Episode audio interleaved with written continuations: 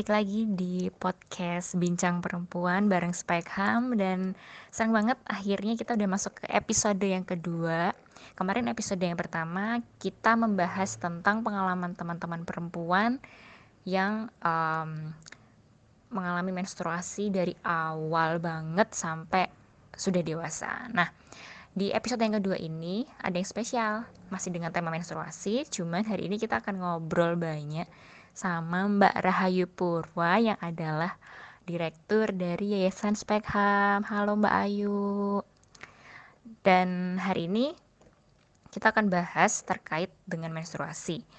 Nah, uh, Mbak Ayu, kemarin tuh kan teman-teman sudah uh, sharing nih tentang pengalamannya. Jadi tentang gimana sih waktu mereka pertama kali menstruasi, gimana perasaannya, terus um, gimana reaksi mereka, termasuk juga reaksi orang tua mereka masing-masing. Terus juga ada um, kondisi-kondisi teman-teman ini yang ternyata berbeda-beda saat mengalami menstruasi. Ada yang rasa sakit banget, ada yang biasa aja, ada yang ternyata siklusnya nggak normal. Um, jadi kayak ada yang dua, dua bulan mens bah uh, dua bulan nggak mens terus besok mens terus ternyata lebih dari tiga bulan nggak mens itu juga ada. Bahkan ada yang sampai pingsan juga uh, saat menstruasi. Nah ngomong-ngomong tentang itu mungkin nanti Mbak Ayu bisa bantu kita untuk lebih jelaskan sebenarnya um, kalau kita ngomongin tentang menstruasi dan case pro apa sih hal-hal yang perlu kita perhatikan? Kayak gitu. Nah, sebelum Mbak Ayu nanti mau jelasin panjang terkait dengan menstruasi dan cash pro, aku mau infoin ke teman-teman nih. Sebenarnya, uh, kenapa akhirnya kita memutuskan untuk ngobrol tentang menstruasi? Coba tebak kenapa, ayo. Jadi tanggal 28 Mei ini nanti diperingati sebagai hari kebersihan menstruasi sedunia. Maka dari itu, kita dari Spike Ham uh, sedang berupaya nih untuk ngajak semua perempuan yang mendengarkan podcast ini siapa pun itu buat kita bisa bareng-bareng mengedukasi diri kita supaya bisa punya um, pengetahuan dan kemampuan untuk merawat dan menjaga kebersihan diri kita selama menstruasi. Dan juga tentunya bisa bisa sharing tentunya ke perempuan-perempuan lain supaya semua perempuan yang ada di dunia ini tahu dan paham betul tentang gimana sih jaga kebersihan selama menstruasi. Nah, gitu dan um, nah uh, yang pertama nih aku mau tanya nih mbak kan Spekham juga bekerja di isu case pro ya ter termasuk case pro tentang remaja dan perempuan. Nah sebenarnya uh, seberapa penting sih uh, Spekham harus ngomong tentang cash pro di masyarakat. Urgensi apa yang membuat Spekham harus bekerja keras, harus bergerak banyak untuk uh, isu cash pro ini. Nah, mungkin Mbak Ayu bisa bantu untuk jelaskan terkait dengan itu. Silahkan Mbak Ayu. Berbincang tentang kesehatan reproduksi. Nah, sebelumnya saya mengucapkan selamat hari kebersihan menstruasi sedunia. Nah, eh, atau bahasa kerennya gitu ya, bahasa Inggrisnya menstrual hygiene day.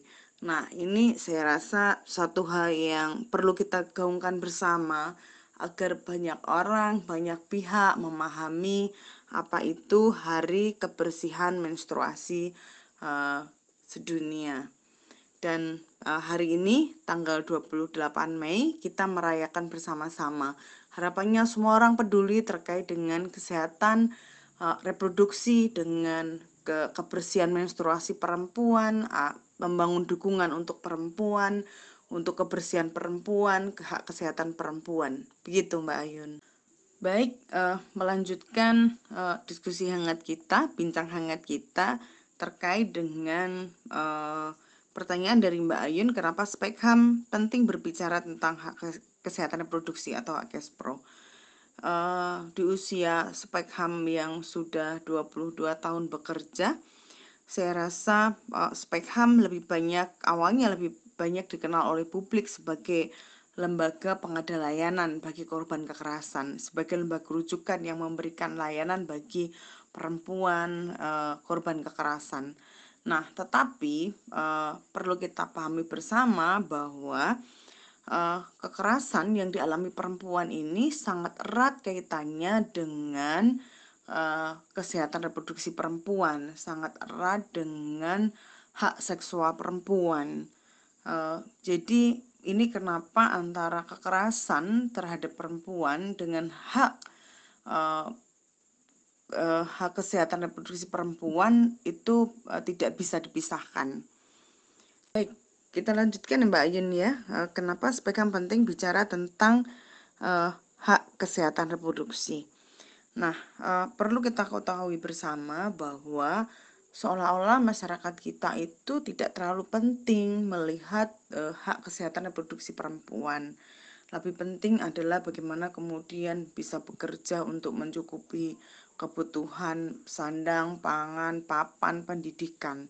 Nah, tetapi selama belum ada gejala, selama belum ada persoalan terkait dengan kesehatan reproduksi, upaya-upaya preventif, upaya pencegahan, eh, apa namanya, eh, yang mendukung kesehatan reproduksi perempuan sangat rendah. Benar nggak, Mbak Ayun? Nah, ini bisa kita lihat perempuan akan datang ke layanan pada saat dia mengalami persoalan. Atau laki-laki tidak akan memahami persoalan kesehatan reproduksi perempuan kalau anggota keluarganya, istrinya, atau anak perempuannya sedang mengalami persoalan kesehatan reproduksi perempuan. Misalkan tiba-tiba ada uh, benjolan di payudara anak gadisnya, baru kemudian bapak-bapak uh, akan peduli dengan kesehatan reproduksi perempuan atau misalkan tiba-tiba seorang istri sakit e, karena mengalami radang panggul atau mengalami keputihan berkepanjangan atau dia mengalami menstruasi yang tidak kunjung usai baru kemudian laki-laki memberikan perhatian terhadap kesehatan reproduksi perempuan. Atau misalkan e, berbicara tentang KB atau e, penggunaan alat, alat kontrasepsi seberapa uh, banyak diskusi antara laki-laki dan perempuan dalam menentukan alat kontrasepsi yang paling tepat untuk istrinya dengan mempertimbangkan berbagai risiko itu. Baik, kita lanjutkan ya Mbak Ayun ya. Uh, kenapa sebagian penting bicara tentang uh, hak kesehatan reproduksi. Nah, uh, perlu kita ketahui bersama bahwa seolah-olah masyarakat kita itu tidak terlalu penting melihat e, hak kesehatan reproduksi perempuan. Lebih penting adalah bagaimana kemudian bisa bekerja untuk mencukupi kebutuhan sandang, pangan, papan, pendidikan. Nah, tetapi selama belum ada gejala, selama belum ada persoalan terkait dengan kesehatan reproduksi, upaya-upaya preventif, upaya pencegahan, eh, apa namanya, uh, yang mendukung kesehatan reproduksi perempuan sangat rendah. Benar nggak Mbak Ayun? Nah, ini bisa kita lihat perempuan akan datang ke layanan pada saat dia mengalami persoalan.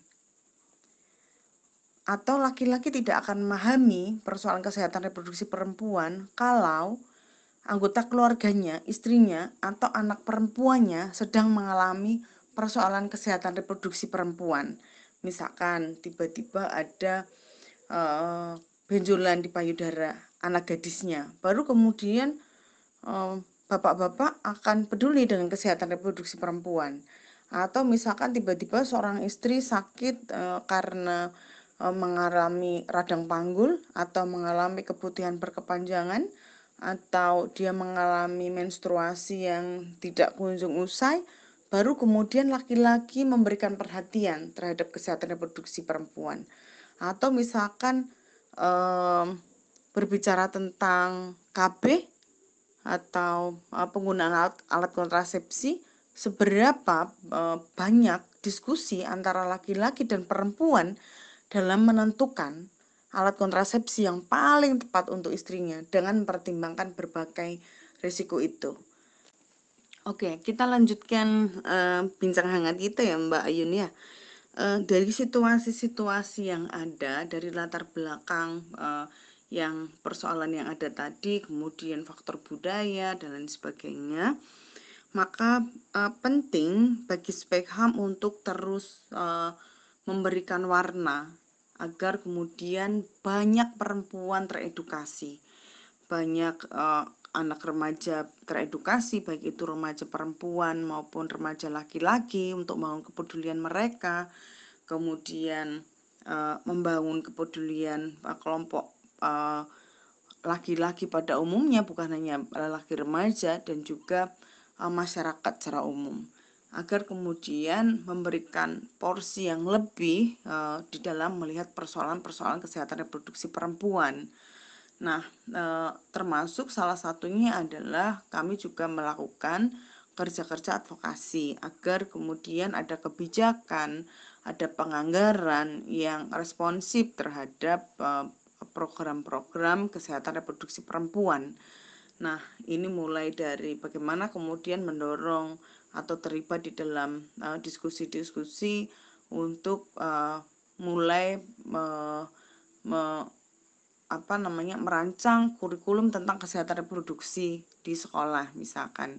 Kami pernah mendiskusikan ini dengan uh, Dinas Pemberdayaan Perempuan Provinsi Jawa Tengah. Kemudian uh, sempat juga uh, kita melakukan advokasi untuk uh, apa namanya setup layanan apa namanya IFATES atau pemeriksaan dini kanker lahir rahim. Dan ini adalah kerja-kerja advokasi agar kemudian pemerintah lebih banyak lagi bekerja untuk melakukan pemenuhan hak kesehatan reproduksi perempuan. Oh, iya iya iya iya. Berarti yang perlu kita garis bawahi ya, Mbak, Kespro itu sebenarnya memang bukan hanya tanggung jawab perempuan, apalagi tanggung jawab anak remaja perempuan atau anak gadis. Yang perlu kita benar-benar tanamkan di diri kita adalah Kespro itu jadi tanggung jawab bareng-bareng gitu, baik itu laki-laki, perempuan, ayah, ibu, bahkan pemerintah pun juga harus ikut andil ya kan Mbak tentang Kespro gitu. Oke, thank you banget Mbak Ayu. Nah Mbak, terus yang kedua nih aku mau tanya. Sebenarnya pendidikan Case Pro ini nih sebaiknya diberikan sejak kapan sih kepada seorang anak atau lebih detailnya sebenarnya sejak kapan sih seseorang itu berhak dapat pendidikan Case Pro kan karena kayak masih jadi dilema ya di Indonesia ini kak kayak kapan sih sebenarnya anak itu berhak dapat ilmu tentang cash pro. Nah, gimana nih Mbak Ayu? Uh, melanjutkan pertanyaan uh, selanjutnya dari Mbak Ayun, uh, sejak kapan sebaiknya pendidikan cash pro diberikan pada anak? Nah, uh, saya rasa uh, Spekham pada saat berbicara tentang kesehatan reproduksi, kak, sekali lagi kita tidak bisa uh, memisahkan dengan persoalan uh, kekerasan seksual Perlu kita ketahui bersama bahwa angka kekerasan seksual pada anak-anak sangat tinggi.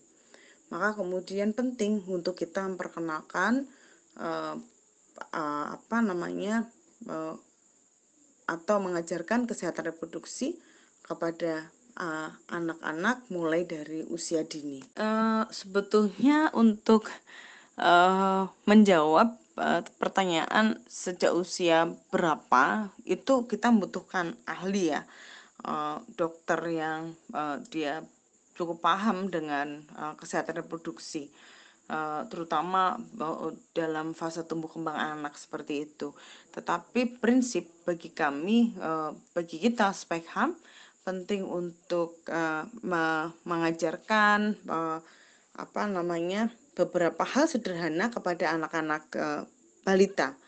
Nah, misalkan e, mulai dari misalkan dia mulai belajar pipis e, secara mandiri, kemudian dia harus cebok, ke, menjaga kebersihannya, kemudian siapa yang boleh pegang e, tubuhnya, e, artinya ini hanya boleh dilakukan oleh e, bapaknya, ibunya, atau neneknya atau uh, pengasuhnya yang uh, uh, bertugas untuk mengasuh sehari-hari. Selebihnya dia harus diberitahu bahwa tidak boleh uh, apa namanya dadanya atau uh, pantatnya atau uh, apa namanya uh, organ uh, reproduksinya itu dipegang oleh uh, orang lain selain orang-orang yang tadi disebutkan. Tidak boleh kemudian apa namanya uh, dibuka uh, bajunya dibuka oleh orang-orang yang tidak dikenal seperti itu. Hal sederhana seperti itu Mbak Yun yang uh, apa namanya bisa kita lakukan kepada anak-anak kita. Kalau pengalaman saya sebagai orang tua, uh, saya uh, waktu anak saya masih kecil, usia uh, tahun, uh, kami mengajak mengajak anak saya dan suami saya mengajak anak saya mandi bersama.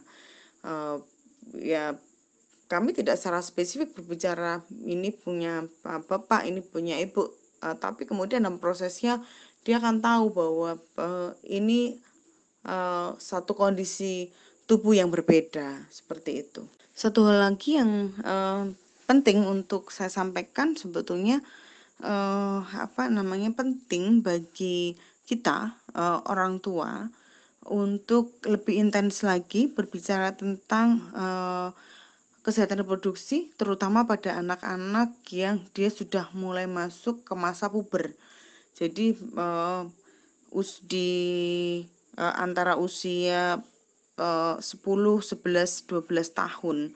Karena uh, secara seksual uh, apa namanya anak-anak dalam uh, apa namanya usia ini sudah mulai aktif secara seksual gitu. Nah, uh, bagaimana kemudian orang tua sudah mulai uh, intens berbicara tentang uh, kalau kamu sudah mengalami menstruasi, kamu sudah mengalami mimpi basah, maka uh, organ reproduksimu sudah mulai uh, apa namanya berfungsi. Kamu sudah mulai masuk ke periode bukan anak-anak lagi. Kamu akan uh, berisiko seperti ini apabila melakukan seperti ini uh, dan lain sebagainya. Dan uh, edukasi di periode ini memang harus sangat intens. Misalkan bagaimana kemudian remaja putri diajak untuk lebih detail melihat celana dalamnya, bagaimana pada saat dia menstruasi harus mencuci sendiri celananya, bagaimana kalau di celananya ada bercak putih, dan lain sebagainya. Saya rasa seperti itu Mbak Yun. Hmm, berarti kayak misal kita tuh sebenarnya bisa ya Mbak mulai mengaplikasikan atau mulai mendidik uh, anak-anak kita tentang KESPA tuh dari kecil dari mulai kayak mengenalkan uh, ada bagian tubuh apa saja yang ada di diri kamu terus kayak mana yang boleh dipegang mana yang enggak gitu ya mbak ya. Kayak tadi lebih ke otoritas tubuh nggak sih tentang um, di apa yang dimiliki sama masing-masing anak? Dan kalau remaja iya sih aku setuju banget sama Mbak Ayu. Kayak uh, circle terdekat anak remaja tuh bener-bener jadi um, salah satu komponen yang penting nih buat tumbuh kembang dia termasuk dalam pemahaman cash pro. Kayak yang teman-teman perempuan kemarin sharing tentang pengalamannya juga dia juga bilang kalau ada beberapa teman-teman ada beberapa orang tua yang um, aktif nih ngasih tahu kamu nggak boleh ini kamu nggak boleh itu. Bahkan juga kasih perhatian dalam bentuk menyediakan beberapa fasilitas untuk kayak misal menstruasi berarti kan butuh pembalut disediakan sama orang tuanya. Terus tapi ada juga orang tua yang emang bener-bener hmm, endingnya cuman kamu gak boleh gini kamu gak boleh gini tapi tidak menjelaskan. Nah akhirnya kayak malah anak-anaknya menjadi bingung bener apa enggak? Nah sepakat sih mbak kalau emang harus ada pendampingan yang intens khususnya buat anak-anak yang udah mau masuk ke pubertas. Oke okay. wah keren banget sih.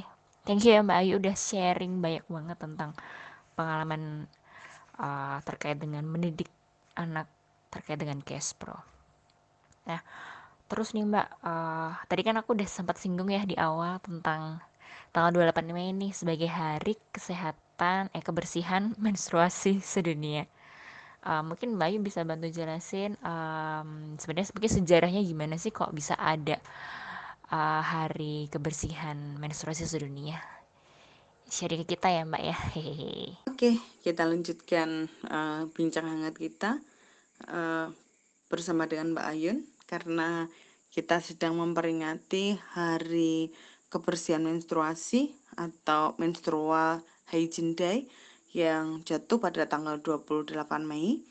Maka kita akan sedikit mengulas tentang uh, Hari Kebersihan Menstruasi.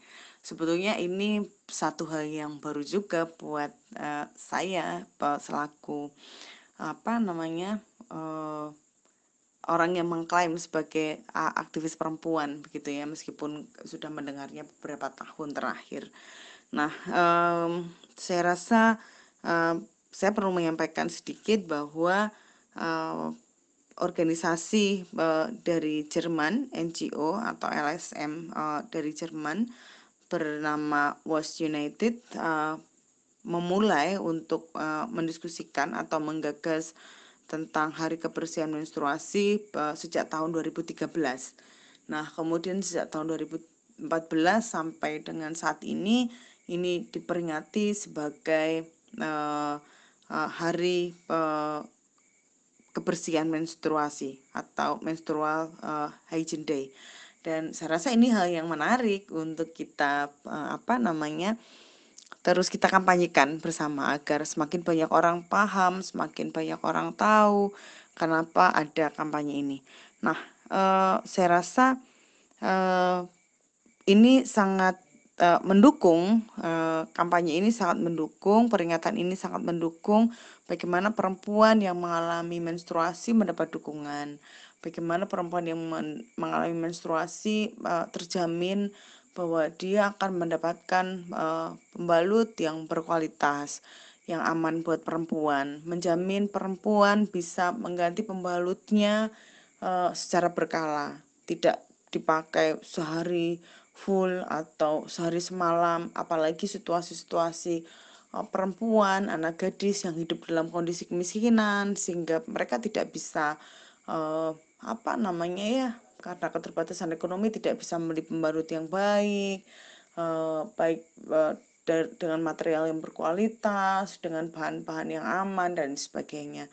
Saya rasa mari eh, kita semua yang mengklaim diri sebagai aktivis perempuan, aktivis kesehatan reproduksi, sebagai kader kesehatan, sebagai orang yang peduli dengan kesehatan perempuan untuk berperan bersama dalam mengkampanyekan Hari Kebersihan Menstruasi Sedunia.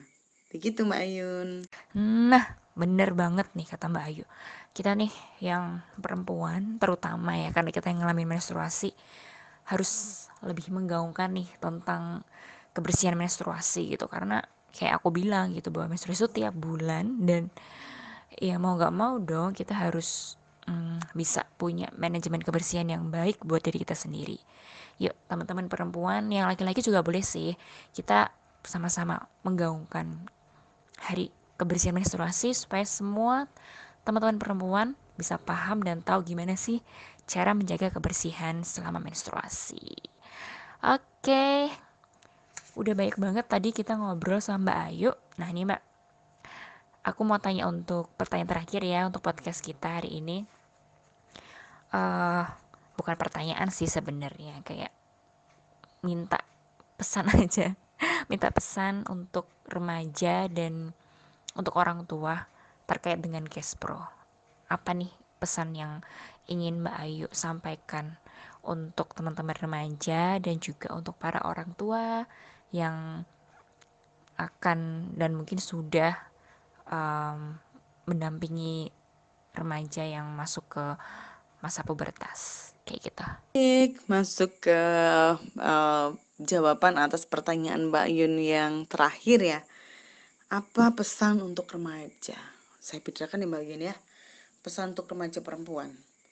Uh, pahami tubuhmu, uh, jaga tubuhmu, dan peduli dengan tubuhmu.